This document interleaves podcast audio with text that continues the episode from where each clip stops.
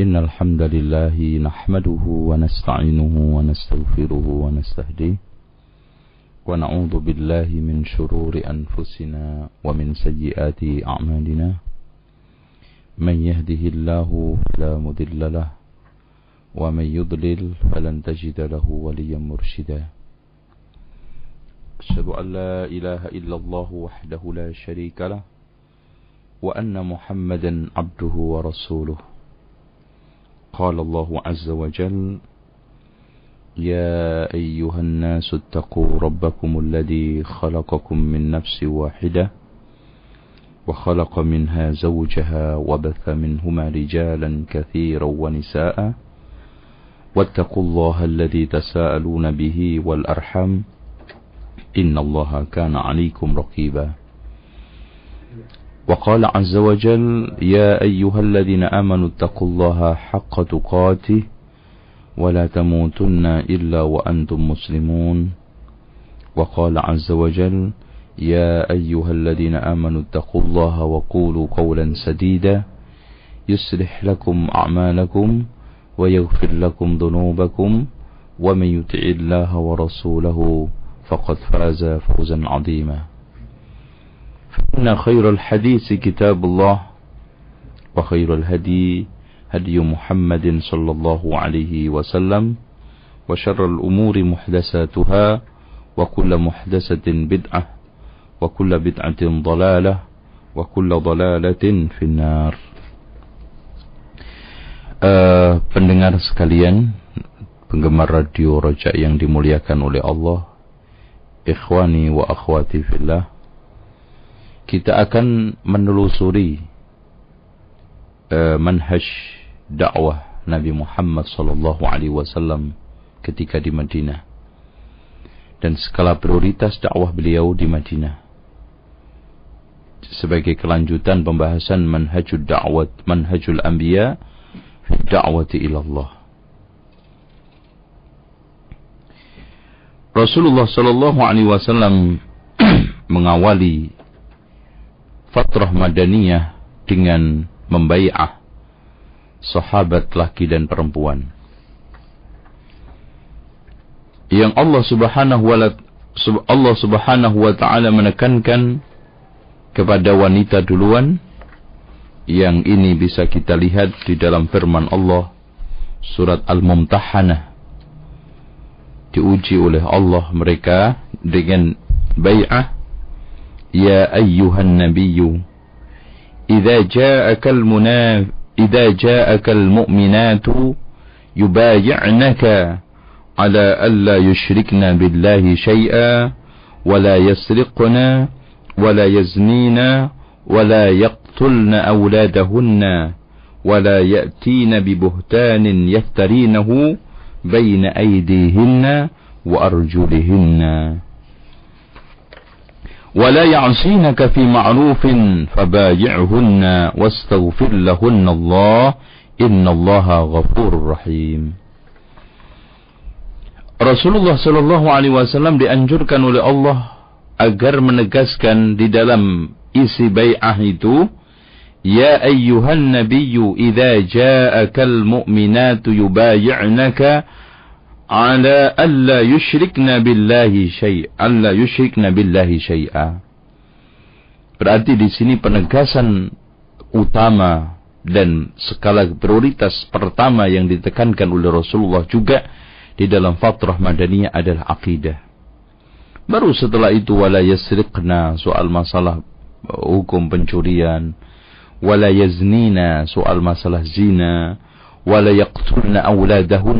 kriminal pembunuhan wala yatina soal masalah uh, uh, apa namanya namimah, ghiba, mengguncing, uh, provokasi dan lain yang lainnya yang isinya adalah akhlak-akhlak tercela.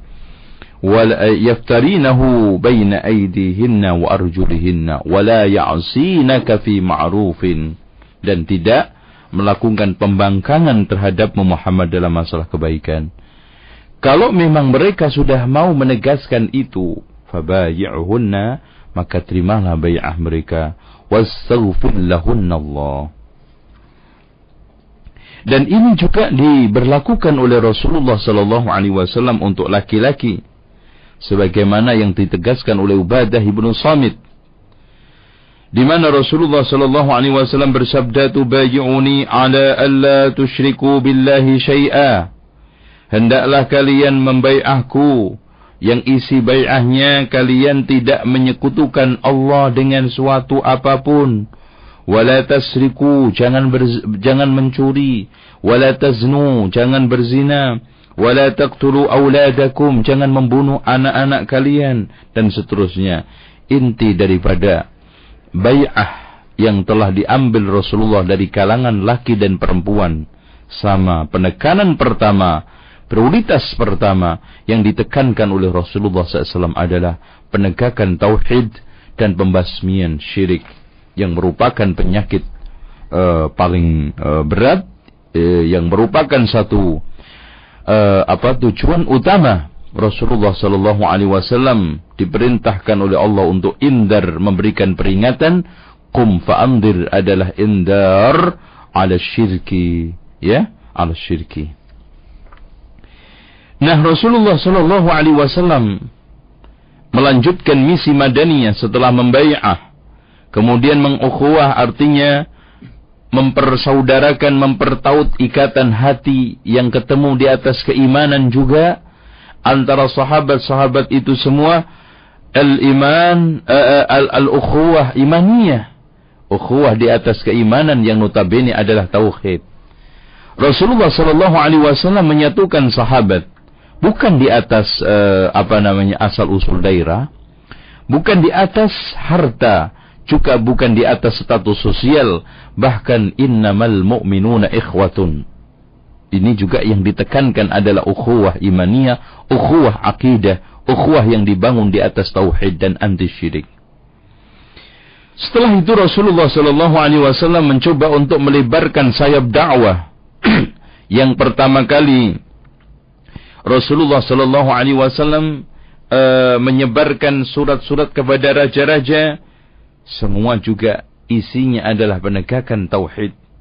Di antaranya raja ini di antara surat yang dikirimkan Rasulullah kepada Raja Heraklius yang isinya Aslim taslam masuklah Islam kamu akan selamat. Ya? Dan aslim uh, yu'tikallahu taala ajr, ajr marratain masuklah Islam Allah akan memberikan pahala kamu dua kali lipat. Kemudian Rasulullah sallallahu alaihi wasallam membacakan ayat qul ya ahlal kitabi تعالوا إلى كلمة سواء بيننا وبينكم ألا نعبد إلا الله ولا نشرك به شيئا. ولا يتخذ بعضنا بعضا أربابا من دون الله. فإن تولوا فقولوا اشهدوا بأننا مسلمون. Katakan Muhammad, wahai ahlul kitab, marilah ke sini. Kepada satu kalimat yang satu di antara kami dan kalian hendaknya kita semua mari ayo sembahlah Allah saja dan tidaklah kita menyekutukan Allah Subhanahu wa taala. Dan di antara kita tidak menjadikan tuhan-tuhan selain Allah. Kalau mereka berpaling maka katakanlah wahai kaum muslimun ishadu bi anna muslimun. Dari ayat ini kita bisa ambil banyak kesimpulan pertama Rasulullah sallallahu alaihi wasallam menegaskan kepada raja yang dikirimin surat yaitu Heraklius yang disuruh juga mengajak semua uh, rakyatnya untuk masuk Islam. Penekanan penegasan pertama adalah ajakan untuk beribadah kepada Allah yaitu tauhid dan untuk membasmi meninggalkan berbagai macam praktek kesyirikan. Kemudian yang keduanya Rasulullah sallallahu alaihi wasallam memprioritaskan utama dan pertama di dalam dakwahnya adalah mendahulukan tauhid. Dan kita di dalam ayat ini juga Rasulullah sallallahu alaihi wasallam e, mendakwahkan kepada e, raja tersebut dakwah tauhid dakwah yang mengajak kepada la ilaha illallah. Dan juga kita sekalian jelaskan kepada pendengar orang-orang yang mungkin terpengaruh dengan uh, pemikiran liberalisme. Kita sebetulnya bukan menolak kalau diajak menyatukan antara Yahudi, Nasrani dan Islam. Tapi penyatuan itu tidak uh, tidak seperti yang telah dilakukan oleh orang-orang liberalisme, yang dilakukan oleh orang-orang yang rusak hatinya, yang di dalam hatinya itu ada zaighun sehingga hanya menyatukan tauhidul adyan tanpa syarat. Kita hanya satu, qul ya ahlal kitab, ta'alu ila kalimatin sawa. Wahai ahlul kitab, ayo mari kita bersatu, kita kumpul. Kita satukan agama ini di atas agama. Alla na'budu illallah wa la nusyrika bihi syai'a wa la yattakhidha ba'duna ba'dan arbaban min dunillah. Di antara kita tidak boleh menjadikan Tuhan selain Allah. Tinggalkan sesembahan selain Allah. Tinggalkan pernyataan Isa ibnullah. Dan tinggalkan pernyataan Uzair ibnullah. Tinggalkan berbagai macam penyembahan-penyembahan selain Allah. Yang hanya ada adalah kita hanya menyembah Allah. Allah na'budu illallah. Wala nusyrika bihi syai'a. Kalau syarat ini terpenuhi. Kalau mereka mau memenuhi syarat ini maka penyatuan agama kita uh, apa terima dan ajakan tauhidul adyan kita iakan. Tetapi kalau sekarang tetap akidahnya warna-warni, Tuhannya tidak karu-karuan. Di antara mereka ada yang punya Tuhan tiga, empat dan yang lainnya. Sementara penegasan dakwah paling ditekankan oleh Rasulullah sallallahu alaihi wasallam adalah al-tauhid anti syirik. Bagaimana kita menyatukan antara agama tauhid dengan agama syirik? Bagaimana kita bisa meyakini dalam satu sekaligus agama yang sesat dengan agama yang hak? Agama yang inna dina indallahil Islam dengan inna din al-batil indallah. Yaitu agama Nasrani dan Yahudi. Dengan demikian, siapa pun yang diajak untuk kembali kepada agama Ibrahim yang mereka katakan agama Ibrahim, maka agama Ibrahim adalah agama tauhid, bukan Yahudi, bukan Nasrani. Maka na Ibrahimu Yahudiyan wala Nasraniyan, walakin kana hanifan muslima, wa ma kana minal musyrikin. Ini yang kita tegaskan. Sehingga pendengar sekalian ketika Heraklius saat menerima ayat ini surat ini maka dia memanggil orang-orang Arab yang sedang berdagang di daerahnya dan ketika itu kebetulan sekali dia uh, uh, yang datang adalah Abu Sufyan.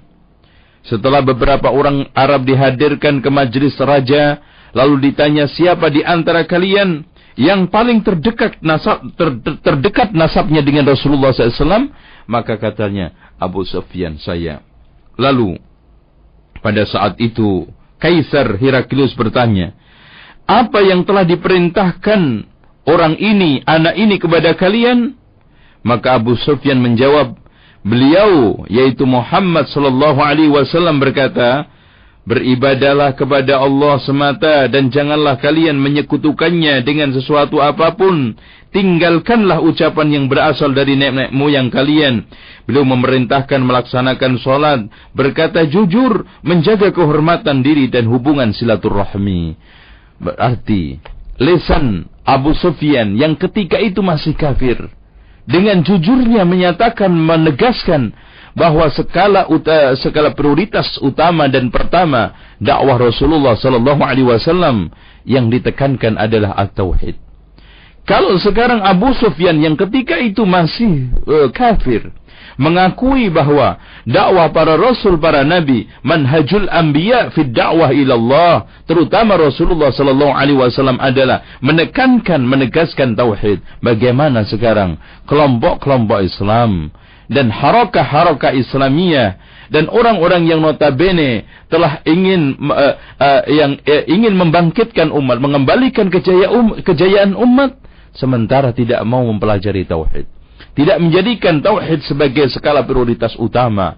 Tidak menjadikan tauhid sebagai landasan pondasi utama di dalam gerak-geriknya, di dalam membangkitkan semangat umat, di dalam membangkitkan kembali sahwah Islamiyah, maka itu tidak akan mungkin terjadi.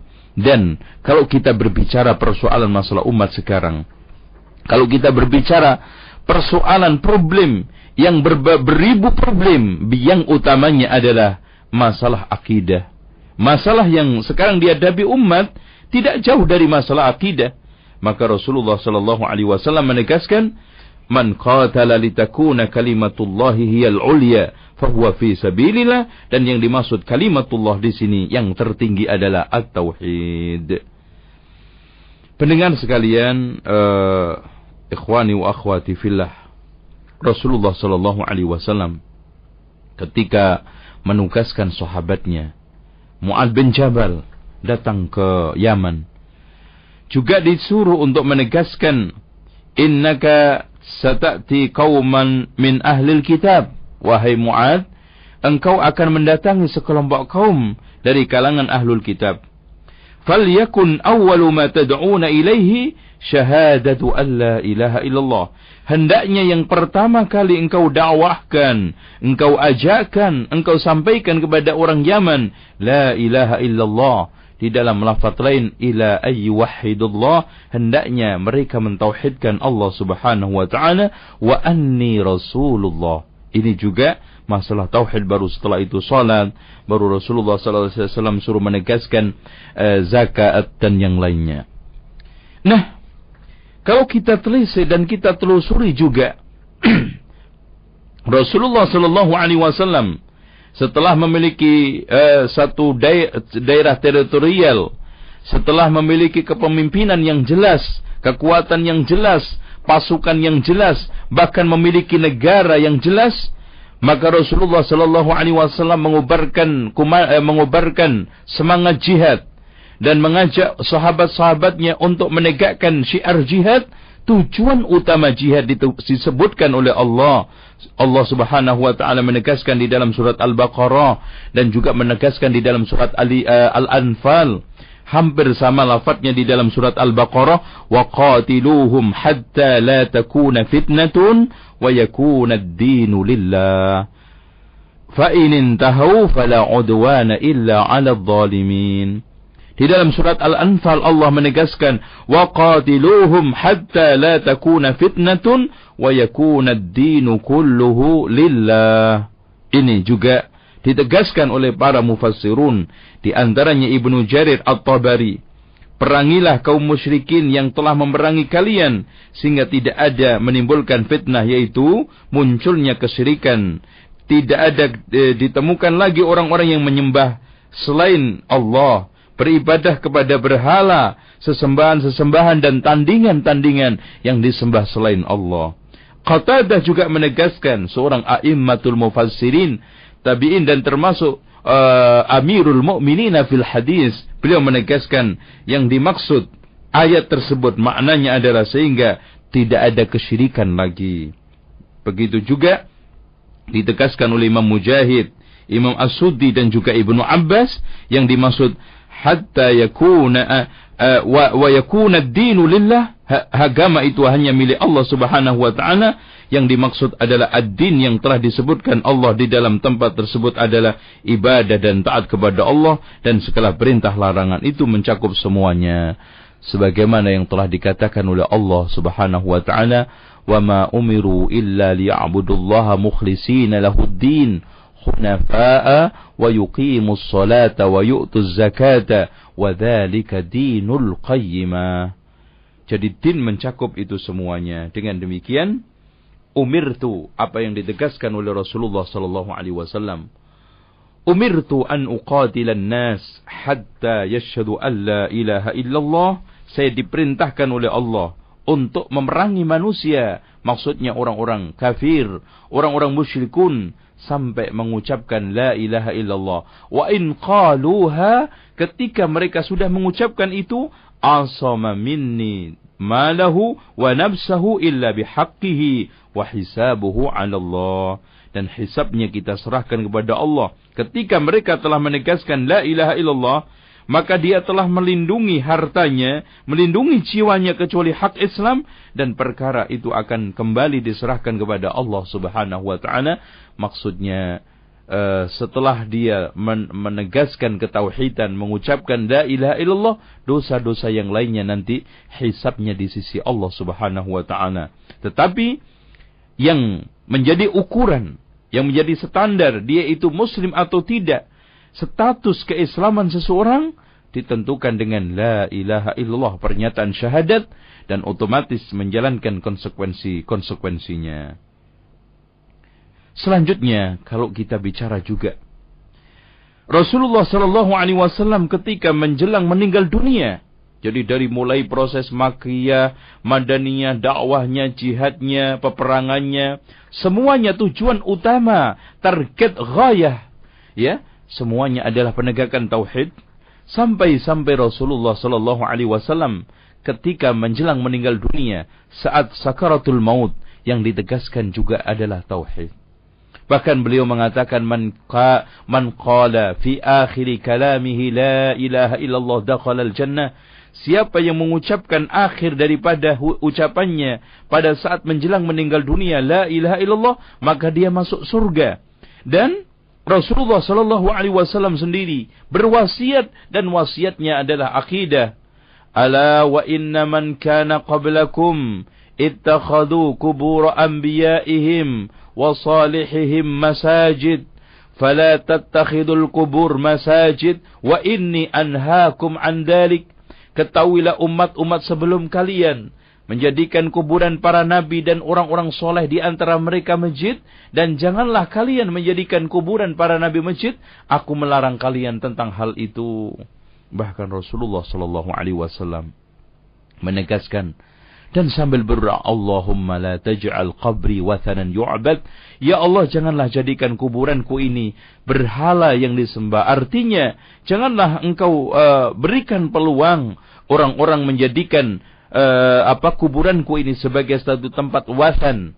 Kalau kita berbicara antara sonam dengan wasan, kalau sonam itu berbentuk seperti manusia, hewan dan yang lainnya, kalau wasan itu apa saja yang disembah selain Allah bisa bentuknya makhluk dan bukan makhluk termasuk kuburan, termasuk keris, termasuk benda keramat, apa saja yang dikultuskan, disembah, diagungkan selain Allah itu ma masuk kepada wasan. Kalau berbentuk seperti manusia, patung-patung itu bisa disebut dengan sonam. Dan ini Rasulullah sallallahu alaihi wasallam berdoa kepada Allah, Allahumma la taj'al qabri wathanan yu'bad, Allahumma la taj'al qabri wa eh, Allahumma la taj'al qabri 'ida. Dan Allah Subhanahu wa taala mengabulkan sampai sekarang tidak ada seorang pun yang mampu untuk menjadikan kuburan-kuburan eh, ini kuburan Rasulullah sallallahu alaihi wasallam seperti itu yang selamat terlindung di suatu tempat yang tidak memungkinkan siapa pun untuk menjangkau masuk ke tempat itu. Dan kita ucapkan uh, apa penghargaan yang sangat penghargaan yang begitu bagus di mana pemerintah Saudi bersama ulamanya masih sigap, masih tegap dan masih ketat dan tegas di dalam menyelamatkan kuburan Rasulullah sallallahu alaihi wasallam dan kuburan-kuburan yang ada di sekitar Madinah tidak memberikan peluang siapa pun yang datang untuk ziarah ke sana melakukan berbagai macam kesyirikan, berbagai macam kebid'ahan di sekitar kuburan Rasulullah, kuburan Baqi dengan ke, begitu ini. Walaupun uh, sisi pribadi pribadi tidak bisa dikontrol karena itu sudah sulit tapi intinya Eh, kuburannya sendiri tidak diberikan satu peluang orang bisa masuk keluar dengan mudah atau uh, masuk atau mengelus kuburan Rasulullah SAW dan yang lainnya ini merupakan satu uh, pengha apa uh, langkah satu bentuk kebijakan yang perlu kita ucapkan terima kasih dan kita hargai. nah Rasulullah Shallallahu Alaihi Wasallam setelah meninggal dunia ketika menjel, uh, ketika sakaratul maut pun mengatakan la ilaha illallah inna lil mauti la sakarat. La ilaha illallah sesungguhnya kematian itu ada sakaratnya setelah Rasulullah sallallahu alaihi wasallam meninggal dunia uh, misi dakwah dan penegakan syariah serta kelanjutan estafet dakwah dilanjutkan oleh Abu Bakar radhiyallahu an beliau juga yang yang beliau prioritaskan adalah dakwah tauhid. Begitu juga Umar bin Khattab yang beliau tegaskan, tegakkan adalah akidah Islamiyah yaitu tauhid dan Umar uh, Utsman bin Affan serta Ali bin Abi Thalib dan juga sahabat-sahabat yang telah diutus yang menyebar ke seluruh dunia semuanya menegakkan, menegaskan, mengajak manusia yang pertama kali adalah at-tauhid al-ibadah ilallah taala. Sehingga ketika kita mendapati Rib'i ibnu Amir diutus ya menemui salah seorang raja yang isinya surat tersebut juga uh, mengajak untuk mengeluarkan dia dari penyembahan makhluk kepada makhluk kepada penyembahan Allah Subhanahu wa taala saja. Ini juga penegasan tentang at-tauhid. Dengan demikian kita bisa cukupkan di sini kita bisa simpulkan bahwa apa yang telah dikatakan oleh uh, apa namanya uh, Nabi Ibrahim alaihissalam yang meminta memohon kepada Allah wajnubni wa baniya an na'budal asnam Rabbi innahunna adlalna kathiran minan nas. Yaitu wajnubni ya Allah jauhkan kami. Wa baniya dan anak-anak cucu kami. An na'budal asnam menyembah berhala. Sesungguhnya wahai Tuhanku berhala-berhala itu telah menyesatkan kebanyakan manusia. Dan Allah Subhanahu wa taala mengabulkan permohonan Nabi Ibrahim alaihissalam. Anak cucunya dari mulai Nabi Ishak Nabi Yakub, Nabi Ismail, Nabi Muhammad sallallahu alaihi wasallam telah merealisasikan, telah mewujudkan isi doanya bapaknya yaitu Nabi Ibrahim alaihissalam dan ini telah di, di, dikemakan syiar ini di tengah-tengah kejahilian awal di dakwahnya di Makkah mencanangkan tauhid, menegaskan tauhid. Dan bendera yang dipancang tinggi adalah bendera tauhid. Dan di Madinah pun dilakukan itu dan kita juga lihat ketika Rasulullah Sallallahu Alaihi Wasallam e, mengirim pasukan, mengirim utusan, mengirim duta, itu juga disuruh untuk menegaskan, menegakkan tauhid, menyebarkan tauhid.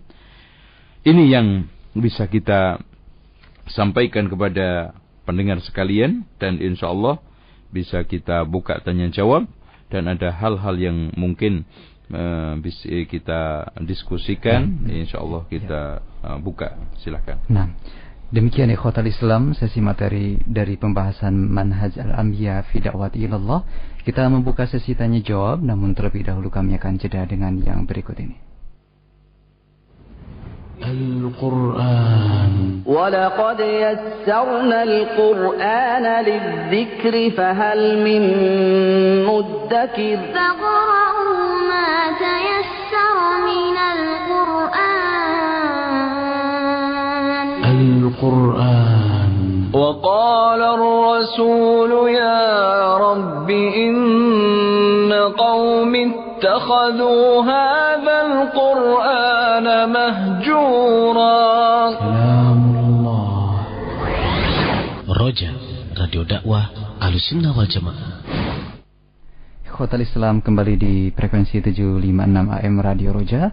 Kita akan membuka sesi tanya jawab bagi Anda yang bertanya di line telepon 8236543. Kita angkat untuk yang pertama di line ya. telepon. Assalamualaikum. Assalamualaikum, Pak. Waalaikumsalam, Waalaikumsalam warahmatullahi Dari mana, Pak? Ahmad di Cinere, Pak. Silakan, ya, Pak. silakan, Pak. Saya mohon dijelaskan ya, apakah ada hadis sohe yang menyatakan bahwa Haji Arba'in itu harus melakukan sholat 40 kali berturut-turut mm -hmm. di Masjid An-Nabawi, Pak. Iya, iya. Itu aja. Terima kasih. Assalamualaikum. Waalaikumsalam warahmatullahi wabarakatuh. Uh, ada hadis yang bunyinya man shalla arba'ina yawman ya yudriku takbiratal ihram kutibat lahu bara'atani bara'atun minan nifaq wa bara'atun minan nar hadis yang bunyinya arba'ina uh, yauman ya ini sahih Hadis ini dikeluarkan oleh Imam At-Tirmidzi dengan sanad yang uh, sahih dan disahihkan oleh Syekh Nasruddin Al-Albani. Man shalla arba'ina yawman yudriku takbiratal ihram kutibat lahu bara'atan bara'atun minan nifaq wa bara'atun minan nar. Barang siapa yang sholat 40 hari menemukan takbiratul ihram, artinya dia selalu tepat waktu dan menemukan takbiratul ihram bersama imam berarti jamaah, karena Rasulullah SAW menegaskan dalam hadis yang lainnya yang sahih, "Law ya'lamu an-nasu ma fi as-saffil aw ma fi an-nida'i was-saffil awwal illa istahamu alaih lastahamu alaih." Kalau seandainya manusia itu tahu isi rahasia adzan dan sof yang pertama dan tidak menemukan kecuali dengan cara undian, maka dia akan lakukan undian. Tetapi kalau lafaz man shalla arba'ina salatan. Nah, ini ini nih. Man shalla arba'ina salatan. Ya. Ini hadis dikeluarkan oleh Imam Ahmad dengan sanad yang dhaifun jidda. Dengan demikian tidak benar adanya salat arba'in tersebut kalau seandainya hadis ini benar, hadis ini sahih, itu pun tidak berlaku hanya di Madinah saja. Karena Rasulullah tidak pernah, eh, karena ad, tidak ada satu hadis yang lafadznya man shalla uh, man shalla arba'ina fil masjidin nabawi. Enggak ada. Itu pun dhaif hadisnya. Dengan demikian, uh, kita tegaskan kepada Bapak iya. bahwa man shalla arba'ina salatan ini hadisnya dhaif hmm. dan mengejar membuat satu target salat arba'in di Madinah merupakan satu kebid'ahan karena dibangun amal ini di atas hadis yang dhaif jidda. Dengan demikian yang penting sekarang anda datang ke Masjid Nabawi, Anda hadir ke Madinah, tujuannya untuk la tusaddur rihal illa ila thalathati masajid. Ya. Tidak boleh kita mengadakan tur ziarah kecuali ketiga masjid termasuk adalah Al-Masjidun Nabawi. Ke sana tujuannya untuk mengejar ya salatun fi masjid hadha afdalu min alfi salatin mimma siwahu mimman siwahu illa al-masjidil haram. Sekali salat di masjidku ini sama dengan seribu dibanding masjid yang lainnya kecuali Masjidil Haram. Itu aja. Berapa bahkan kalau bisa lebih dari 40. Kalau bisa syukur-syukur sampai 70, sampai 80 terserah. Berapa saja. Tapi kalau sekarang membuat target uh, 40, solat arba'in, solat arba'in, ini hadisnya dha'ifun jidda. Wallahu alam. Nah, masih di lain telepon di belakang Pak Ahmad kita angkat kembali. Assalamualaikum. Halo, Assalamualaikum. Waalaikumsalam. Waalaikumsalam. Dari mana Pak? Dari Usman Cikarang, Pak Ustaz. Silakan, Pak Ya, silakan Mas. Ini mau nanya Pak Ustaz, masalah ya. puasa. Kalau puasa Daud itu batasannya sampai bulan apa Ustaz? Apa hmm. Sampai Saban apa sampai gimana Ustaz? Tolong ya. penjelasannya Ustaz. Ya, ya, Assalamualaikum Ustaz. Waalaikumsalam. Uh, minimal dari so, uh, puasa Daud itu uh, ya sekali puasa sekali sehari tidak. Hmm. Tentang maksimalnya kita uh, hanya mengatakan sepanjang tahun kecuali Ramadan. Uh, lakukan Anda sehari puasa, sehari tidak, sehari puasa, sehari tidak. Dan ini perlu kita tegaskan bahwa Rasulullah Shallallahu Alaihi Wasallam mengatakan, "Afdalu siyam siyamu Dawud yasumu yauman wa yuftiru yauma." Tetapi kalau seandainya kita berhenti kemudian mulai lagi boleh nggak boleh? Ini kan sunnah. Nggak puasa sama sekali aja itu nggak dosa. Hmm. Apalagi kita sekali kadang puasa kadang tidak. Pokoknya kalau namanya Daud itu prakteknya sehari puasa sehari tidak. Wallahu a'lam bishawab. Nah, di belakang Pak Usman, kami mohon maaf untuk Anda yang bertanya dan tidak mengurangi rasa hormat kami untuk bertanya sesuai dengan tema atau kajian kita pada sore hari ini. Hmm. Kita angkat di dan telepon berikutnya. Assalamualaikum. Assalamualaikum. Waalaikumsalam. Ya. Silakan Ibu. Uh, gini Ustadz, apakah hmm. boleh di dalam dakwah itu uh, membuat semacam apa uh, marhalah-marhalah gitu. Hmm. Jadi awalnya dakwahnya secara sembunyi-sembunyi, hmm. kemudian yeah. uh, mulai terjun ke masyarakat, kemudian pada hmm. akhirnya merebut kekuasaan gitu. Hmm. Yeah, uh, dengan dalil iya. sebagai yeah. apa? Siroh nabawiyah yeah. itu gitu. Hmm. Kita aja jazakallah. Yeah. Oh, iya. Waalaikumsalam. Waalaikumsalam. Perlu diketahui bahwa setelah Allah Subhanahu wa taala. Mengaj eh, me, me, me, me, menganjurkan Rasulullah sallallahu alaihi wasallam untuk menegaskan wa andir ashiratakal akrabin. Dan juga menganjurkan Rasulullah SAW untuk menegaskan fasda' bima tu'mar wa a'rid 'anil jahilin. Maka tahapan dakwah sirriyah sudah tidak ada. Sudah tidak berlaku untuk kita semuanya. Karena dakwah sirriyah, ya al-muqitah, al-mamqutah, adalah merupakan bid'ah yang dibikin oleh kaum harakah. yang tidak lain tujuannya adalah memiliki target-target harokia yang mereka sembunyikan supaya tidak diketahui oleh orang awam. Dan ini merupakan ciri-ciri dakwah hizbiyah.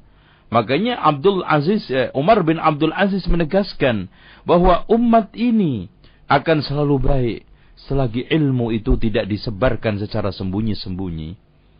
Dengan demikian, tidak ada manfaatnya kita sekarang merahasiakan dakwah kita. Al-Quran sudah diketahui oleh orang kafir isinya. Hadis-hadis Rasulullah kutubus sitah pun orang-orang orientalisme mungkin ada yang hafal.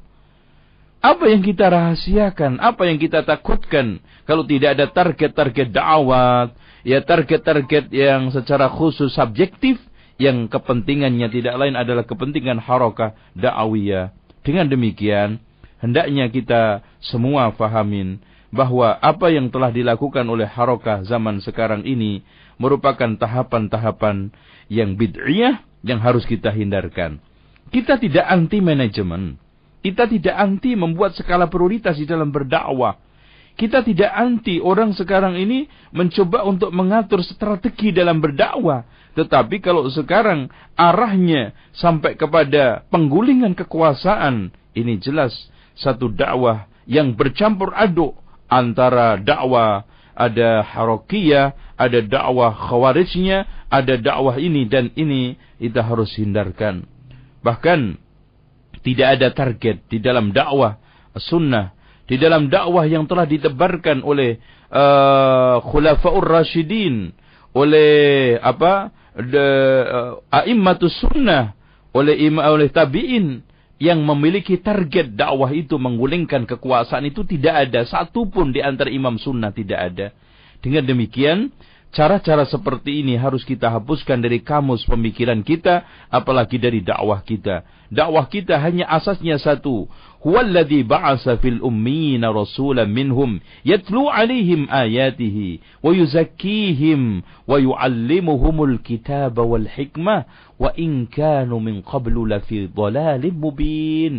Jadi memberikan pengajaran yang baik, menerapkan tarbiyah yang bagus, kemudian tasfiyah yang mengarah lalu tidak tidak kalah pentingnya tazkiyah yang sesuai dengan uh, ketetapan Allah dan Rasulnya? Maka dakwah kita insyaallah akan berhasil. Hmm. dan kul hadhihi sabili ad'u ila Allah ala basiratin ana wa man kalau kita menyatakan adba'ur rasul katanya Ibnu Qayyim siapa yang mengklaim adba'ur rasul tidak berdakwah sesuai dengan dakwah rasul maka klaimnya tersebut merupakan satu kedustaan kepalsuan kalau kita mengklaim, kalau kita sekarang adba'ur rasul, hendaknya kita berdakwah sesuai dengan cara-cara Rasulullah sallallahu alaihi wasallam, cara khulafaur rasyidin. Tidak ada satupun mereka memiliki target untuk menggulingkan si fulan si fulan dari kuasaannya.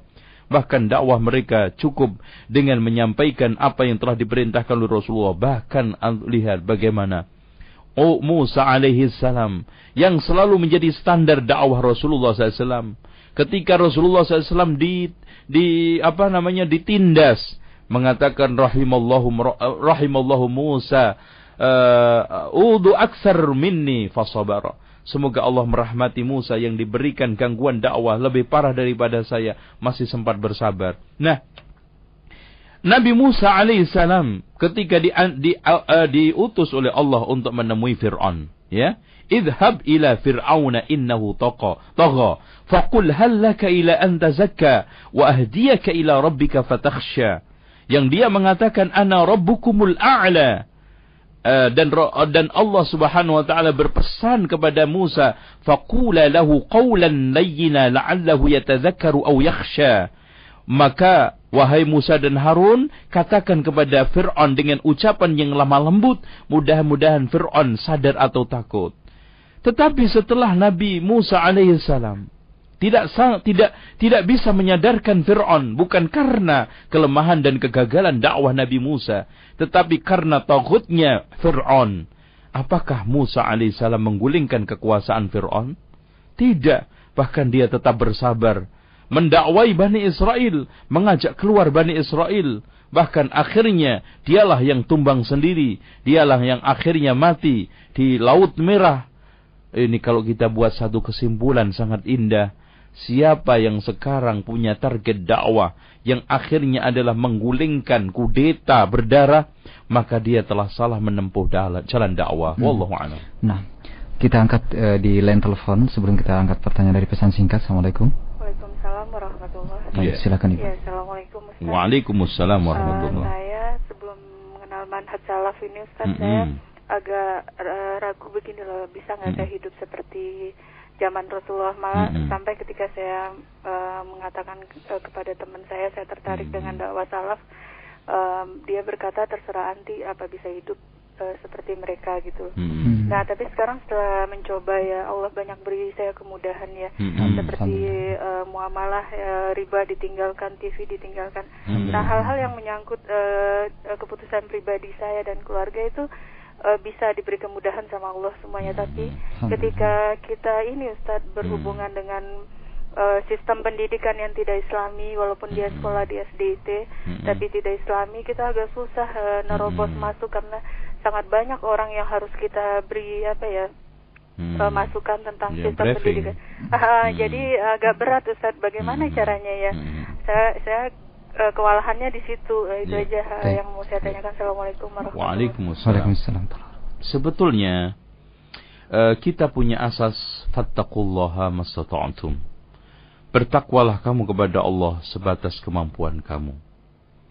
Karena la yukallifullahu nafsan illa wus'aha.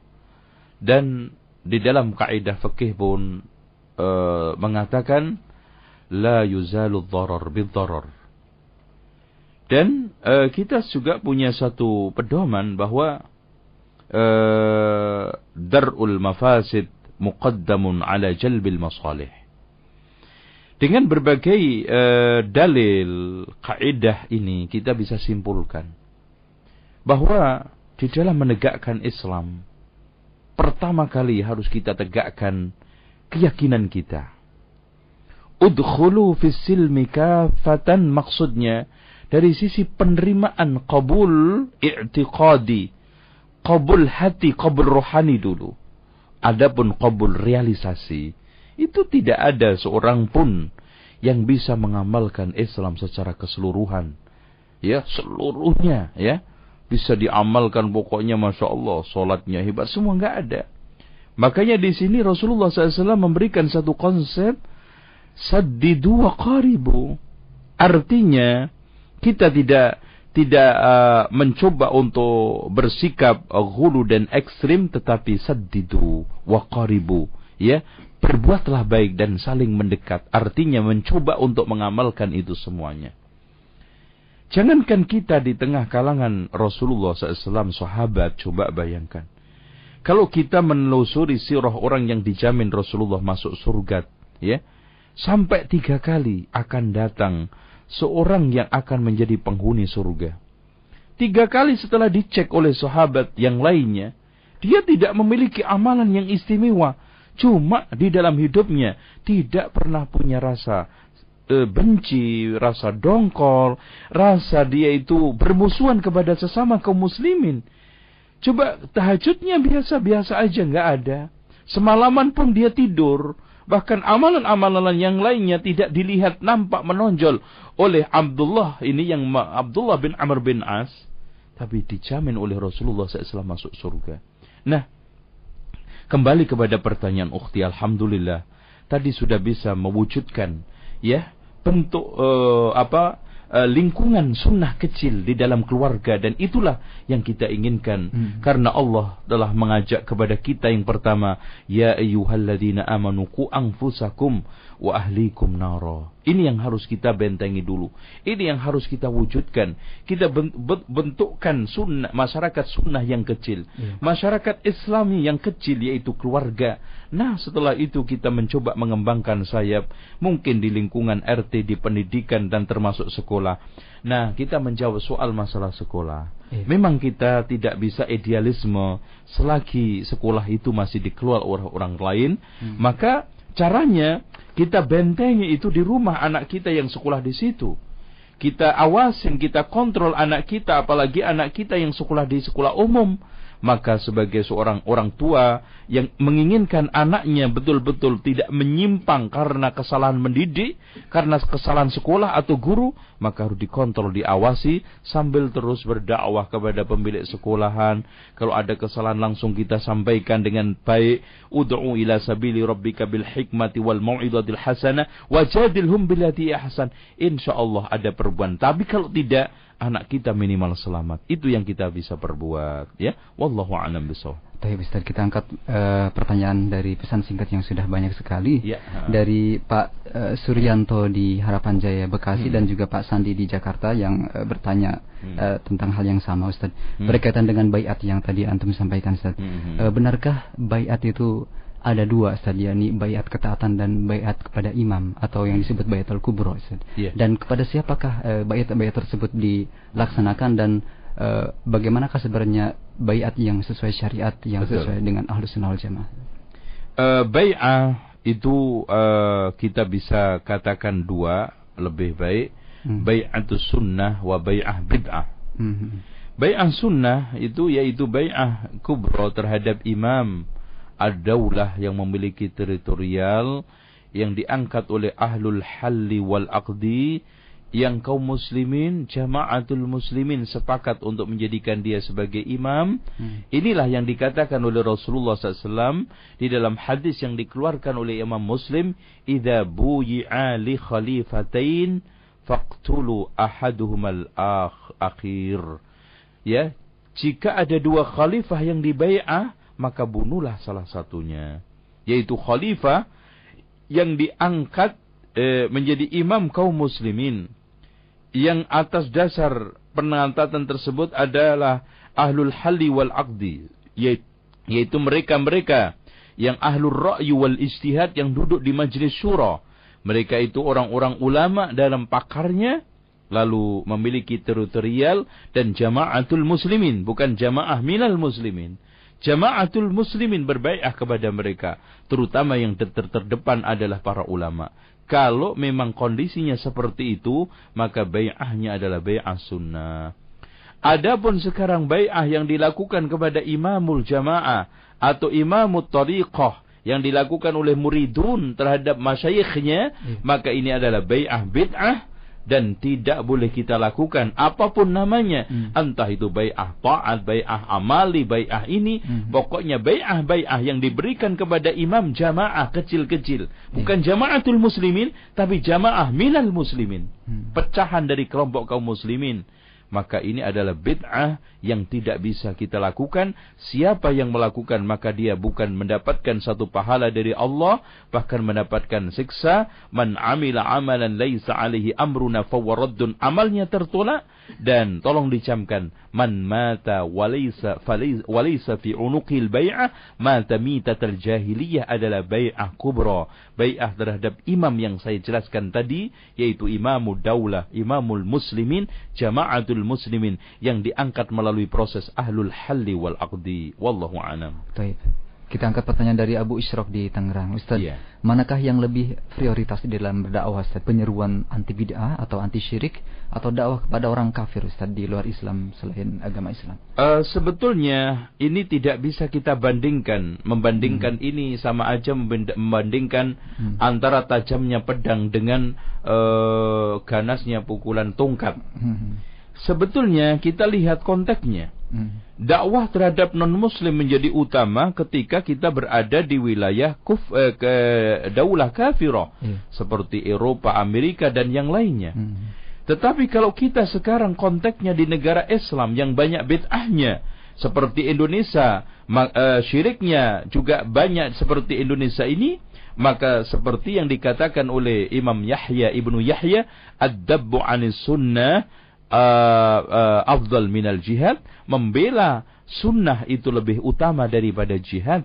Dengan demikian, antara syirik dengan bid'ah kita lihat. Karena syirik bid'ah itu bisa sampai kepada tingkatan kufur. Seperti bid'ahnya orang-orang Syiah yang mengultuskan menyembah kuburannya Khomeini atau bid'ahnya orang-orang uh, ini Mu'tazilah yang mengatakan Quran itu makhluk. Ini sampai kepada tingkatan kufur Maka kalau sama-sama seperti ini, maka tidak kita harus pilih-pilih. Uh, tetapi kalau sekarang bid'ahnya pada tingkatan-tingkatan tidak kufur, sementara kesyirikan di tengah masyarakat sangat membahayakan, maka kita dahulukan syirik sebelum kita itu uh, maksudnya bukan kita dahulukan, kita prioritaskan, kita tekankan syirik, tapi bukan berarti kita mendiamkan bid'ah tidak. Tetap kita dakwah sama. Tidak ada masalah kan sambil dakwah sambil ceramah menjelaskan uh, syirik juga menjelaskan bid'ah. Iya. Tetapi yang kita prioritaskan, yang kita utamakan adalah pembasmian syirik daripada bid'ah. Wallahu a'lam bishawab. Kita angkat kembali di line pesan singkat di, uh, dari Pak Zainuddin di Jati Bening. Yeah. Ustadz, bagaimanakah cara uh, dakwah yang benar-benar uh, bagus ya yang kita sampaikan kepada saudara-saudara kita yang masih melakukan kemusyrikan dengan datang kepada orang pintar atau dukun? Hmm. Uh, sebetulnya uh, cara yang telah ditegaskan oleh Allah Subhanahu wa taala kepada Nabi Musa dengan ucapan yang lemah lembut dan juga kepada orang-orang seperti wa in jahadaka ala an tusyrika bi ma laysa laka bi ilm fala tud'huma wa sahibhuma fid dunya ma'rufa ini kepada kedua orang tua dan juga ud'u ila sabili rabbika bil hikmati wal mau'izatil hasanah wajadilhum billati ahsan. Ini cara-cara dakwah yang telah diajarkan yang telah dibimbing uh, oleh Allah Subhanahu wa taala untuk kita semuanya. Nah kita coba sekarang menerapkan ini. Pertama yang kita harus uh, tekankan adalah qul hadhihi sabili ad'u ila Allah ala basira ilmu dulu. Makanya uh, Sufyan As-Sauri sebagaimana yang telah dinukil oleh Imam Ibn Taimiyah dalam kitab Al-Amru bil Ma'ruf wan Nahi 'anil Munkar bahwa hendaknya orang yang amar ma'ruf nahi munkar berilmu sebelum amar ma'ruf nahi munkar. Terus kemudian berlemah lembut ketika amar ma'ruf nahi munkar dan bersabar setelah amar ma'ruf nahi munkar. Nah, ini yang kita harus miliki. Kemudian setelah kita memiliki ilmunya, maka kita pelajari ya metode, cara, taktik dan bagaimana kita cara mendekati. Maka di sini diperlukan untuk meneliti uh, atau mengamati uh, atau mempelajari kondisi watak lingkungan masyarakat daerah yang kita mau uh, terjun dakwah. Setelah itu kita pelajari demografinya juga. Maka hadis Rasulullah SAW yang ketika mengutus Mu'ad itu sebagai pelajaran berharga. Ya Mu'ad, innaka sata'ti qauman min ahlil kitab. Berarti di sini Rasulullah SAW membuat satu semacam uh, apa namanya sketsa, semacam uh, apa namanya penjelasan kepada Mu'ad.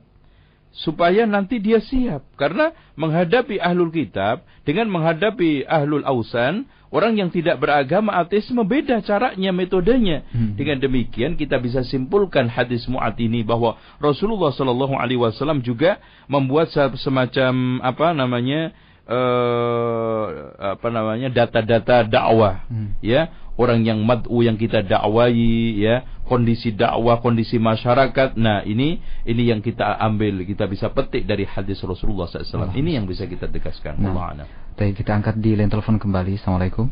Waalaikumsalam Silakan dari mana Pak? Ini dari Saleh Silakan Pak Saleh. Uh, Ini Ustaz. Ya. Saya mau tanya apa namanya menggunakan itu duit zakat mal untuk kegiatan dakwah Ustaz. Buat bayar hmm. hobi apa bayar narasumber dan lain sebagainya itu yeah. boleh nggak Ustaz? Ya cukup.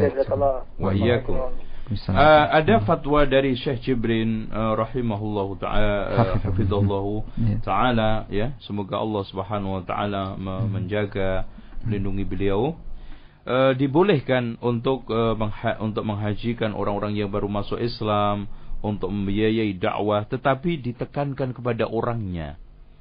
Maka kalau kita amati al-mustahik, orang-orang yang berhak menerima zakat itu adalah orang-orangnya. Dari mulai hmm. yang pertama adalah al-fuqara wal masakin wal amilin ya was, uh, wa fi sabilillah wa benis sabil semua adalah orang. Dengan demikian uh, uh, dibolehkan uh, berdasarkan fatwa Syekh Muhammad Ibnu Shalih Al-Utsaimin juga. Wallahu a'lam bishawab. Kita masih angkat di line telepon. Hmm. Ya, terputus. Kami persilakan kesempatan bagi Anda di line telepon 8236543. Assalamualaikum. Ya. Nah, eh, terputus kembali. Ya. Kita masih menunggu kesempatan bagi Anda di 8236543. Assalamualaikum. Waalaikumsalam warahmatullahi ya. wabarakatuh. Silakan dari mana, Pak?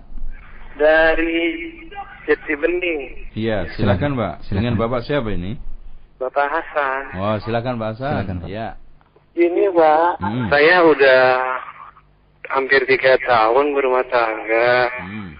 Iya. Terus saya ingin mendakwakan rumah tangga saya ini dengan baik. Hmm, betul. Dengan itu saya ingin coba terus menerus dengar radio Roja. Iya, alhamdulillah. Sampai istri saya saya suruh dengerin juga gitu kan, Pak. Iya, betul, hmm. betul. Itu suatu langkah yang tepat.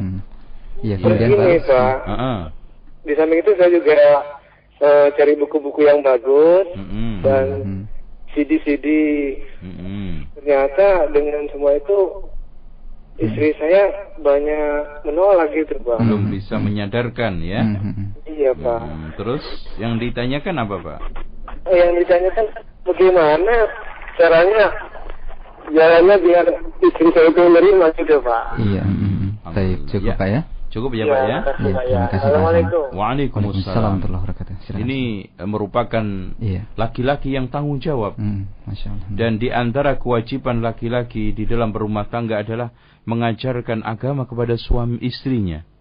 Bagian dari pengamalan firman Allah, Ya ayyuhalladzina amanu qu anfusakum wa ahlikum nara dan juga ar-rijalu qawwamuna 'alan nisa. Hmm. Dan uh, memang itulah akhirnya dakwah merupakan satu proses penyampaian, proses tabligh yang tidak punya kekuasaan untuk menarik merubah hati seseorang karena itu hanya milik Allah Subhanahu wa taala.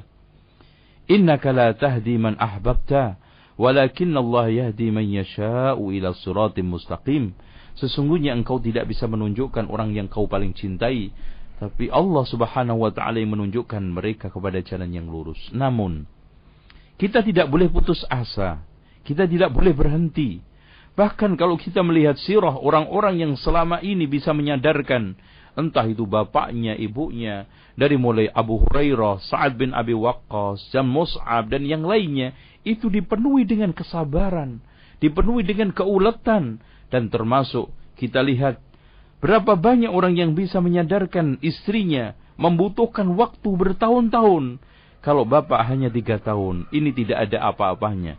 Ya. Coba bayangkan, Nabi Nuh alaihi salam telaten mengajari, mengajak istrinya 950 tahun, tapi tidak mau masuk Islam, hmm. tetap kafir. Yeah. Ini menunjukkan bahwa dakwah yang kita perlukan hanya kesabaran dan ketelatenan. Hmm. Uh, tentang masalah dia sadar, dia itu ikut, atau dia itu uh, apa namanya mau mempraktekkan apa yang kita ajakkan, kita dakwahkan. Yeah itu merupakan hak Allah Subhanahu wa taala. Tapi hmm. Bapak jangan putus asa, iya. minta berdoa kepada Allah Subhanahu wa taala. Hmm. Seperti yang dilakukan oleh Abu Hurairah kepada ibunya ketika berdakwah, minta hmm. didoakan kepada Rasulullah SAW, ya Rasulullah, doakan agar orang tua saya masuk Islam, maka akhirnya masuk Islam. Dan Sa'ad bin Abi Waqqas juga sama, mengalami suatu hal yang sama. Ya. Coba bayangkan Abu Bakar radhiyallahu an, ya, eh, pada saat Abu Bakar radhiyallahu an sudah masuk Islam, istrinya itu belum masuk Islam. Hmm. Eh, eh, eh, akhirnya ketika datang kepada Asma yang minta sodako, minta ini ya Rasulullah kita beri atau tidak, ya Rasulullah SAW menganjurkan untuk apa? Menyambung silaturahminya, memberikan satu pemberian. Ini merupakan satu bagian daripada proses dakwah supaya beri, eh, mereka masuk Islam. Dengan demikian, Bapak jangan putus asa untuk terus ulat, sabar, mengajak, mendakwa istrinya. Nah langkah berikutnya, uh, Bapak bisa mengajak sekali-kali silaturahmi ke orang alim, ke orang yang agak lebih pinter, ke ustadz, ya. Dengan sebelumnya sudah di calling, ya, sebelumnya di, diberitahu Ustadz, insya Allah atau siapa saja yang mungkin lebih mengerti, tolong nanti Ustadz, istri Ustadz atau istri akhi ya. Nanti kalau saya datang ke sana, istri saya so, tolong diberitahu tentang masalah sholatnya, tentang masalah jilbabnya, tentang masalah-masalah ini. Jadi uh, orang yang mau dikunjungin itu sudah di calling dikasih penekanan-penekanan istri saya itu butuh ini ini ini dan itu jangan uh, terlalu apa namanya kaget ya nanti mungkin uh, ziarah ini kita targetkan mungkin tiga poin. Yeah. Masalah jilbab, masalah sholat itu. Nanti ziarah lagi ada poin lagi yang kita targetkan. Hmm. Mungkin masalah birul waliden ya. Dia itu kasar sama orang tua atau suka ngelawan suami. Terus dan terus. Insya Allah dengan cara ini kita akan bisa merubah istri kita. Dan tidak kalah pentingnya kita ajak ke tablet, ke ta'lim. Insya Allah dengan ajakan-ajakan itu. Dengan uh, lemah lembut dia akan sadar pelan-pelan. Bismillah. Wallah a'lam. Masih di line telepon di belakang Pak Hasan. Assalamualaikum. Ya. Waalaikumsalam warahmatullah. Silakan dari mana Pak? Pak Tito, Jakarta Pak. Silakan ya, Pak Tito. Silakan Pak. Assalamualaikum warahmatullah Ustaz. Ya, Waalaikumsalam warahmatullah. Silakan Pak. Begini Ustaz, ya. di lingkungan saya ini kan ada musola. Hmm -hmm. Tapi kayaknya untuk untuk uh, ustadz-ustadz uh, sunnah ini untuk masuk sulit sekali gitu hmm, Ustaz. Dia lang-alangi ya Pak ya. Ini dikup gitu Ustaz. Oh. Nah terus uh, yeah, yeah. ada rencana pembebasan lahan untuk hmm. untuk perluasan gitu Ustaz. Iya yeah, iya. Yeah. Gimana sikap Anda boleh nggak istilahnya Kita uh, ikut? Uh, uh, masalahnya hmm. ini udah uh, apa udah terlalu lama itu Anda lihat sulit sekali bahkan untuk mendatangkan ustadz sunnah gitu Hmm. Sulit hmm. sekali, hmm. sulit sekali Ustaz. Hmm. Kalau anda lihat dari dari maslahatnya itu, kayaknya, aduh, kayaknya kurang gimana gitu. Anda jadi ragu eh, mau ikut atau enggak gitu Ustaz. Iya, mohon iya. mohon penjelasannya Ustaz. Iya, Syukran Ustaz. Assalamualaikum warahmatullahi wabarakatuh. Terima kasih Sebetulnya kesesatan tidak pernah bisa nempel di tembok masjid. Kebid'ahan juga iya. tidak akan nyasar ke dinding-dinding masjid dan atap-atap genteng masjid tidak akan bisa berubah menjadi bid'ah walaupun yang menghuni semuanya ahli bid'ah. Iya. Maka sekarang Bapak pertimbangkan. Hmm. Bapak akan menjadi orang eh, penghuni tinggal di lingkungan itu terus atau tidak. Itu iya. satu. Yang keduanya eh, kita ini eh, patah semangat di dalam berjuang atau tidak. Dan kita akan menjadi menjadikan ini sebagai lahan dakwah kita atau tidak. Dan ini sebagai tantangan atau tidak? Kalau kita jawab iya, maka Bapak sikapnya sekarang terus untuk telaten mendekati hmm. mereka, mencoba dan terus mencoba. Dan uh, pertanyaan tadi, apakah boleh kita menyumbang? Caranya yang paling bagus, karena Bapak sudah menjadi bagian dari lingkungan itu. Dan mau nggak mau kita sholat. Dan insya Allah nggak kena mereka anak-anak yang sekarang muda, kecil-kecil ini kita dekatin. Suatu ketika kita pasti punya harapan bisa menaklukkan masjid itu menjadi masjid yang sunnah. Hmm. Maka disumbang tidak apa-apa, tapi dengan cara jangan sekali-kali ngasih duit. Tapi menyumbang berupa berupa apa namanya barang. Iya. Karena khawatir pasti mereka kalau kasih duit disimpangkan minimal bikin beli rokok atau uh, disimpangkan acara-acara untuk acara bid'ah. Nah, ini hmm. yang kita nanti tidak ingin. Maka hmm. sebaiknya kalau Anda atau Bapak ingin menyumbang model masjid seperti ini, matang barangnya aja. Anda hmm. beli pasir, dua truk, Anda beli bata, dua truk, begitu cara hmm. yang iya. lebih tepat. Hmm. Wallahu a'lam Masih di line telepon, kita angkat kembali. Assalamualaikum. Assalamualaikum. Waalaikumsalam warahmatullahi Dari mana? Dari Pak Wawan Jondet. Pak Wawan, hmm, silakan. Pak. Iya. Terima kasih Ustaz. Iya, Tentang kudeta tadi Ustaz. Iya, silakan. Mau kudeta siapa? Iya. saya uh, ada sebuah dalam diri saya tentang hmm. sejarah Syekh Muhammad bin Abdul Wahab. Iya. Yang ketika itu uh, sebelum berdiri Arab Saudi hmm. dikuasai yeah. oleh Turki Utsmani Ustaz. Apakah hmm. itu tergolong kudeta ah. ataukah memang sudah memenuhi syarat-syarat yang yeah. telah hmm. ditentukan? Terima kasih Ustaz. Yeah. Assalamualaikum. Waalaikumsalam uh, kita harus kembali kepada sejarah. Itu ya. Uh, perlu diketahui bahwa ketika saat Syekh Muhammad bin Abdul Wahab bersatu padu menegakkan tauhid yang akhirnya juga memiliki daulah dikasih Allah Subhanahu wa taala kemenangan pembukaan dan juga tamkin. Dan ini janji Allah wa'adallahu alladhina amanu minkum wa 'amilus salihati la yastakhlifannahum fil ardi kama istakhlafal ladina min qablihim wa la yumakkinanna wa la yumakkinanna lahum dinahum alladhi irtada lahum dan seterusnya walubaddilannahum min ba'di khawfim amna ya'budunani la yusyrikuna bi syai'a itu diberikan oleh Syekh Muhammad bin Abdul Wahab karena penegakan tauhid. Dan tolong dicamkan ketika itu daulah Turki sudah pecah. Negara Turki sudah terpecah-pecah menjadi beberapa eh, duailat kecil-kecil. Bahkan Mesir punya kekuatan sendiri, Turki punya kekuatan ber, ber, ber apa namanya banyak sehingga pada saat itu juga kita tidak bisa mengatakan bahwa Saudi di bawah kekuasaan Turki sebagaimana Indonesia di bawah kekuasaan Turki.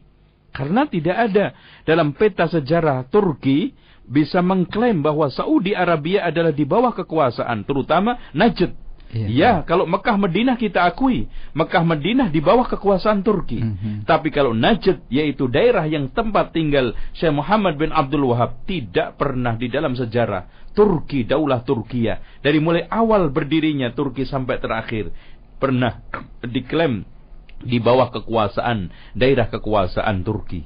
Dengan demikian tidak ada istilah kudeta dan yang keduanya kita harus camkan yang pertama kali menyerang, yang pertama kali ber, uh, mencoba untuk mendongkel siapa? Ya. Bukan Syekh Muhammad bin Abdul Wahab, bahkan Turki itu sendiri yang ketika itu hasil penjilatan, ya hasil pengaduan fitnah dari gubernur Mekah Madinah yang ketika itu adalah eh, orang-orang uh, Syiah dan hmm. uh, Mekah Madinah memang banyak dikuasai oleh orang-orang Syiah sehingga ketakutan kekuasaan sehingga sananya rontok, maka dia menjilat menjilat kepada kekuasaan Turki, hmm. negara Turki pusat untuk supaya membasmi si eh, apa namanya dakwahnya Syekh Muhammad bin Abdul Wahab dan juga negara Saudi ini supaya tidak me me merontokkan kekuasaan Mekah Madinah hmm. dan akhirnya penyerangan itu gagal dan Allah memberikan kemenangan kepada Syekh Muhammad bin Abdul Wahab.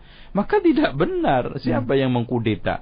Nah, saya sarankan Bapak untuk membaca kitab. Di sana ada kitab uh, Ad-Daulah Utsmaniyah karangan As-Sallabi hmm. uh, yakni nuhu asbabun nuhudiha wa suqutiha sebab jatuh bangunnya dan juga ada kitab bahasa Indonesia sejarah dua kota suci Mekah Medina yang ditulis oleh Dr. Badri Yatim ini menjelaskan secara objektif ya walaupun ada beberapa pernyataan yang masih miring tapi kita mendapatkan info yang cukup bagus bahwa yang menyerang yang mengawali penyerangan adalah bukan Syekh Muhammad bin Abdul Wahab tapi Daulah Turki itu sendiri akhirnya juga patah kalah dan akhirnya pulang dengan berapa banyak kerugian hmm. ya Allah a'lam Nah masih di line telepon kita angkat kembali. Assalamualaikum. Waalaikumsalam. Silakan dari mana? Dari Bu Sugiyarti. Ya, ya, silakan langsung ke pertanyaan Ibu. Ini saya mau nanyain, saya kan hmm. uh, suami saya ngajak ngaji. Hmm. Nah, yeah. Terus udah gitu di sana pengajian itu habis ceramah ada jikir. Hmm. Nah, ada jikirnya itu kan la ilaha illallah tapi keras. Hmm. Eh, apa umum lah istilahnya ya, hmm. ya enggak semua bareng-bareng. Iya. Oh. Hmm. Terus kan saya kan namanya diajak ngaji gimana ya Pak Ustadz jadi saya bilangin sama suami saya kata suami saya nggak apa-apa bisa apa-apa bilang jadi saya bingung hmm, gitu iya. nggak ikutin kata suami, suami saya iya. diikutin gimana tuh gitu ikutin salah iya gimana gimana ya, tuh cukup ibu ya cukup ya bu ya, ya. Terima kasih Bu. Ya. Ya.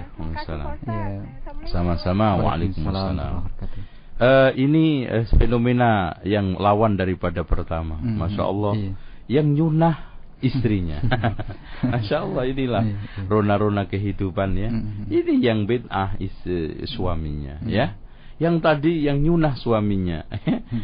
yang lendot istrinya. Ya, semoga semuanya menjadi pelajaran para pendengar sekalian.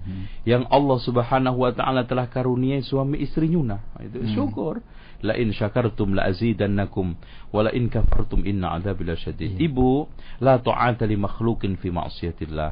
Tidak ada ketaatan kepada makhluk di dalam rangka bermaksiat kepada Allah, hmm. termasuk suami. Oleh karena itu, pelan-pelan ibu harus menjelaskan juga kepada suami. Dan juga, eh, apalagi bisa disarankan untuk mendengar dakta. Ini apa? Mendengar da, apa namanya radio roja ini ya. Uh, dan uh, ibu juga jangan sedikit-sedikit bid'ah juga ya. Cobalah kita jelaskan bahwa sebetulnya hal-hal yang seperti ini nggak pernah dilaksanakan di zaman Rasulullah Shallallahu Alaihi Wasallam. Coba kalau seandainya itu baik, pasti Rasulullah SAW mendahului kita Abu Bakar, Umar, Utsman, Ali dengan bahasa-bahasa yang beri, eh, bisa dia terima sambil kita mencoba untuk bertanya. ya model bertanya, mengajukan pertanyaan dan kita ajak juga mendengarkan eh, ceramah-ceramah seperti ini, mudah-mudahan sadar.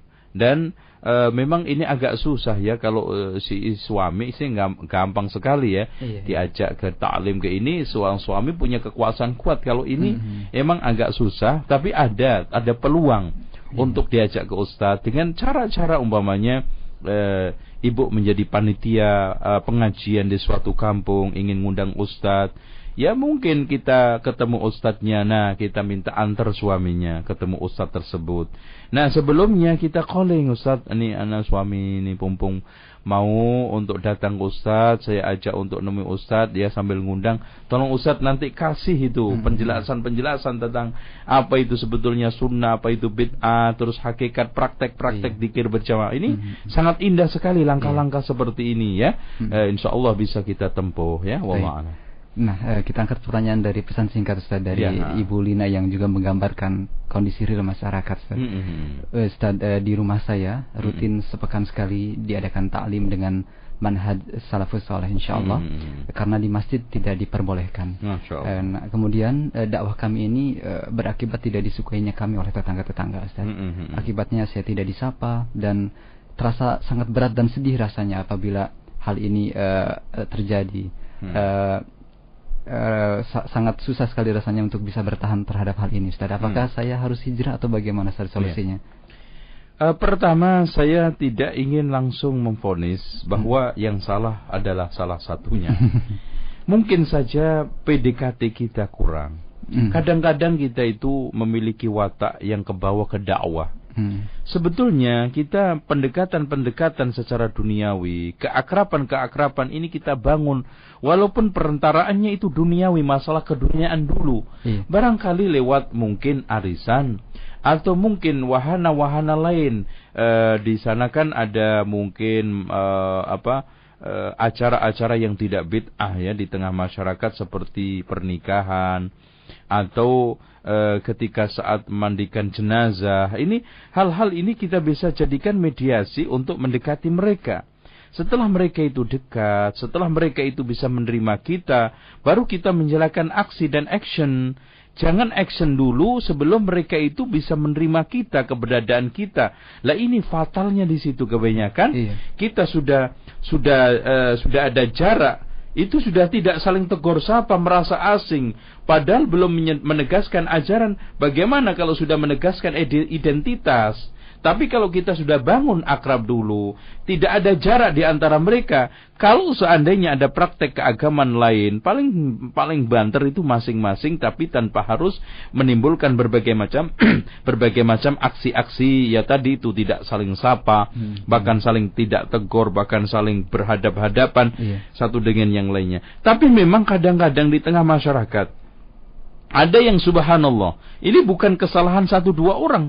Karena uh, 80 orang semua tidak boleh datang ke masjid. Hmm, hmm, Bahkan di masjid ditulisin dilarang melakukan kegiatan kecuali sholat. Masya Allah. Ini orang muslim kok kalah sama dengan orang Yahudi kerasnya. Hmm. Wallah orang Yahudi tidak eh, apa namanya, orang Kristen tidak pernah melarang gerejanya dimasukin kaum muslimin. Ini orang Islam melarang untuk melakukan kegiatan. Hmm. Dan ini adalah masjid. Dan innama ya'muru masajidallahi man amana billahi wal yaumil akhir wa aqama shalah wa ata zakah wa lam yakhsha illallah. Bukan hanya salat. Kok ada pengumuman tidak boleh dilakukan kecuali kegiatan salat toh? Ini wallah ini adalah tidak kalau tidak munafik maka hatinya sudah hampir kejebur ke dalam uh, zindik. Yang ini adalah anak-anak cucunya Syekh Siti Jenar ini. kalau enggak gadolojo. Jadi yeah. siapa saja yang melarang masjidnya untuk kegiatan taklim, yeah. ini imma dia itu telah menyebarkan telah menyebar di dalam hatinya kemunafikan atau di dalam hatinya ini sudah ada zindik dan ini anak-anak cucunya Siti Jenar hmm. dan orang-orang yang menggunting lipat di dalam lipatan sehingga merusak Islam dari dalam. Wallah alam besok mudah-mudahan Allah Subhanahu wa taala menghilangkan dengan cepat orang-orang yang model seperti ini hmm. dan menjauhkan dari kita dan tidak menjadi fitnah dakwah kita. Nah. Tentang masalah hijrah saya kira antum ke mana aja selagi nguplek di Jabotabek dapatnya yaitu terus loh. itu jadi antum ya terserah anak tidak menyarankan dan tidak melarang antum cari tempat kalau memang ada tempat yang lebih kondusif silahkan ya. Wallahu a'lam. Taib kembali dari pesan singkat dari uh, masih dalam permasalahan dakwah juga Ustaz. Iya, Ayah saya pengikut tarikat sufi di hmm. salah satu kawasan di Depok Ustaz. Yeah. Saya sudah berusaha untuk belikan buku tentang kesesatan sufi tetapi hmm. tetap ter, tidak uh, berpengaruh kepada ayah saya.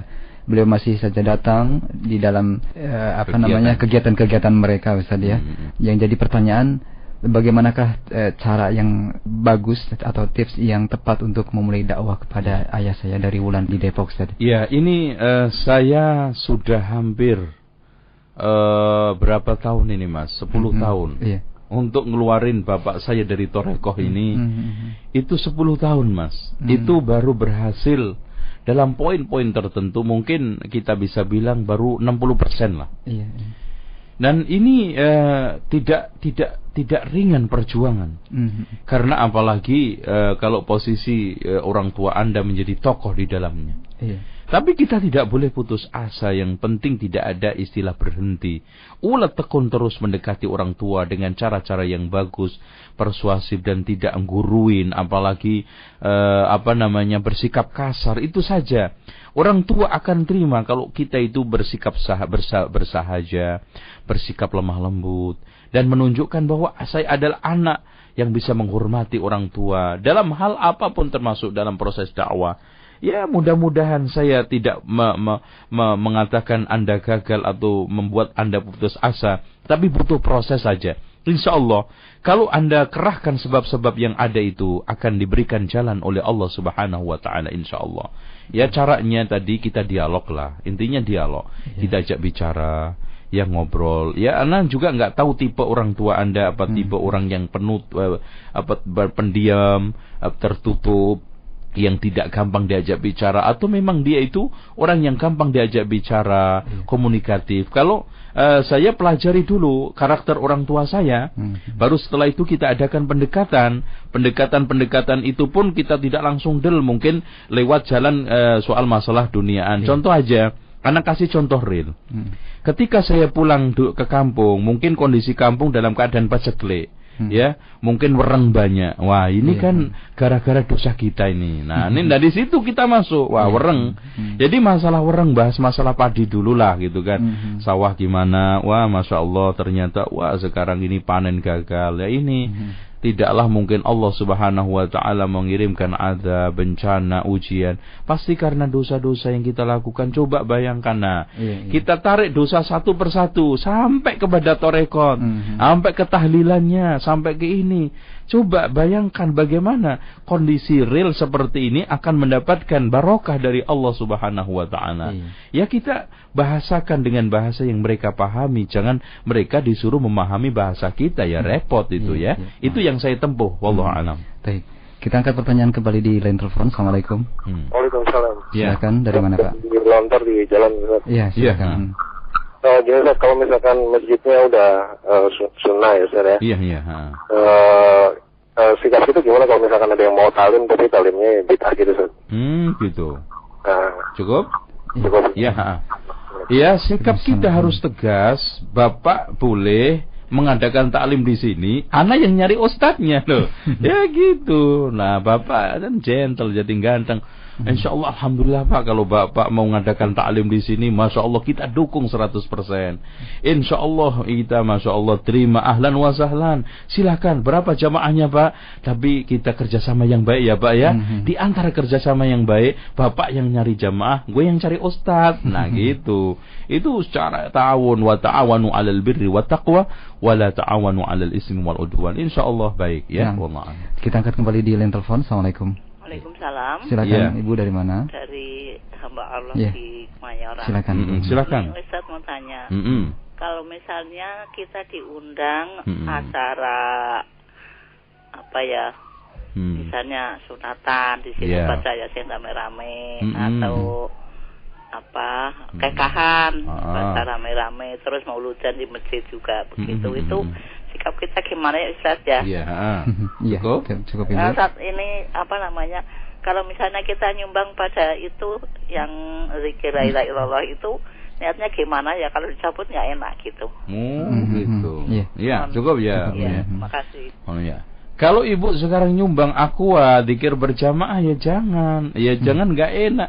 Sekali-kali nggak enak sama Allah dan Rasulnya gitu loh bu ya.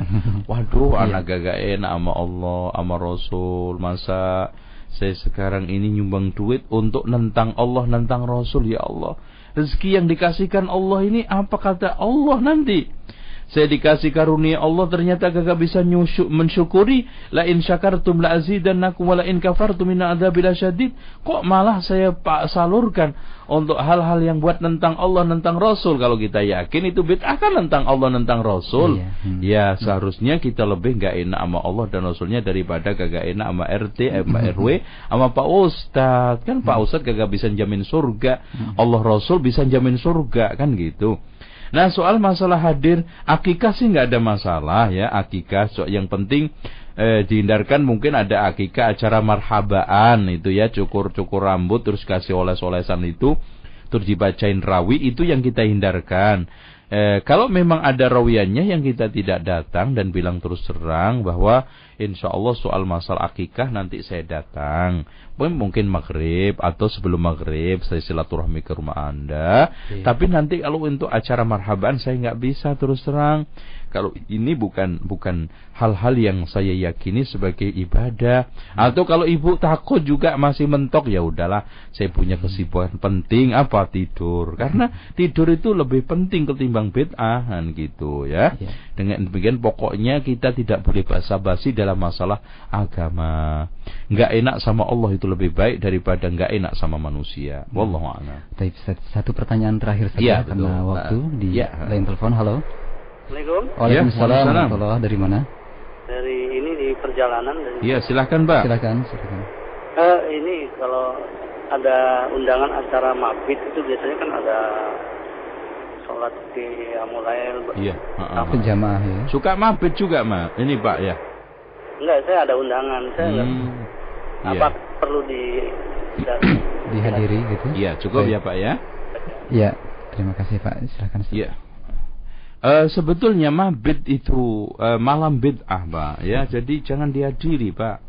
Karena hmm. Rasulullah SAW Khulafaur Rashidun Orang yang paling semangat dan antusias Qiyamul Lail Tidak pernah sekalipun mereka berjamaah sholat Qiyamul Lail di masjid kecuali sholat taraweh Hmm. Kalau bahasa seandainya baik seperti yang dikatakan oleh Ibnu Kathir, "Lau kana khairan nasabaquna ilaih." Kalau seandainya itu baik, pasti mereka akan mendahului kita. Yeah. Dengan demikian, undangan kebaikan kita hadirin, tapi undangan hal-hal yang uh, yang bertentangan dengan dalil maka tidak harus kita hadirin. Ya termasuk uh, mabit ini apalagi disertai dengan muhasabah, nangis bareng-bareng dan ada yang uh, ruqyah bareng juga. Ini semuanya bid'ah ya. Tolong dicamkan bahwa ruqyah masal itu bid'ah yang tidak boleh kita kembangkan. Kenapa? Zaman Rasul ada orang kesurupan. Zaman tabi'in ada kesurupan. Zaman Imam Sunnah ada kesurupan. Zaman Imam uh, Imam Ibnu Taimiyah juga memungkinkan sekali untuk ruqyah jamaah, tetapi mereka tidak pernah melakukan. Man amila amalan laisa alaihi amruna fawwaraddun. Barang siapa yang mengamalkan satu amalan yang tidak ada contoh dariku maka tertolak. Apalagi sekarang hanya cenderung satu ruqyah jamaah itu hanya untuk menarik aksi supaya orang-orang datang ke tempat kliniknya ini semakin buruk tujuannya. Hmm. Iqra'ul Qur'ana wa la ta'kulu bihi. Bacalah Al-Qur'an, jangan kau makan dengan bacaan Al-Qur'an. Dan di sana ada satu pernyataan uh, apa namanya Ali bin Abi Thalib akan terjadi fitnah. Uh, katanya Umar kapan itu Ali ketika orang beramal amalan akhir uh, apa namanya ketika orang menjadikan amalan akhirat untuk uh, apa namanya perkara-perkara dunia. Maksudnya amalan dun eh, de, akhirat dicari untuk kepentingan dunia amalan akhirat dilakukan untuk kepentingan dunia termasuk hal-hal ini dengan demikian mabit kadang-kadang dijadikan sarana untuk uh, apa namanya uh, serangan malam ya, bukan serangan fajar hmm. untuk cari iya. dukungan suara hmm. dan juga rukyah masal hanya untuk istirzak dan yang lainnya, maka ini semuanya harus kita hindarkan Rasulullah SAW mengatakan ikra'ul Qur'ana wa la ta'kulu bihi. Bacalah Al-Qur'an jangan kau makan dari bacaan Al-Qur'an. Ini dalilnya wallahu alam bisawab. Baik.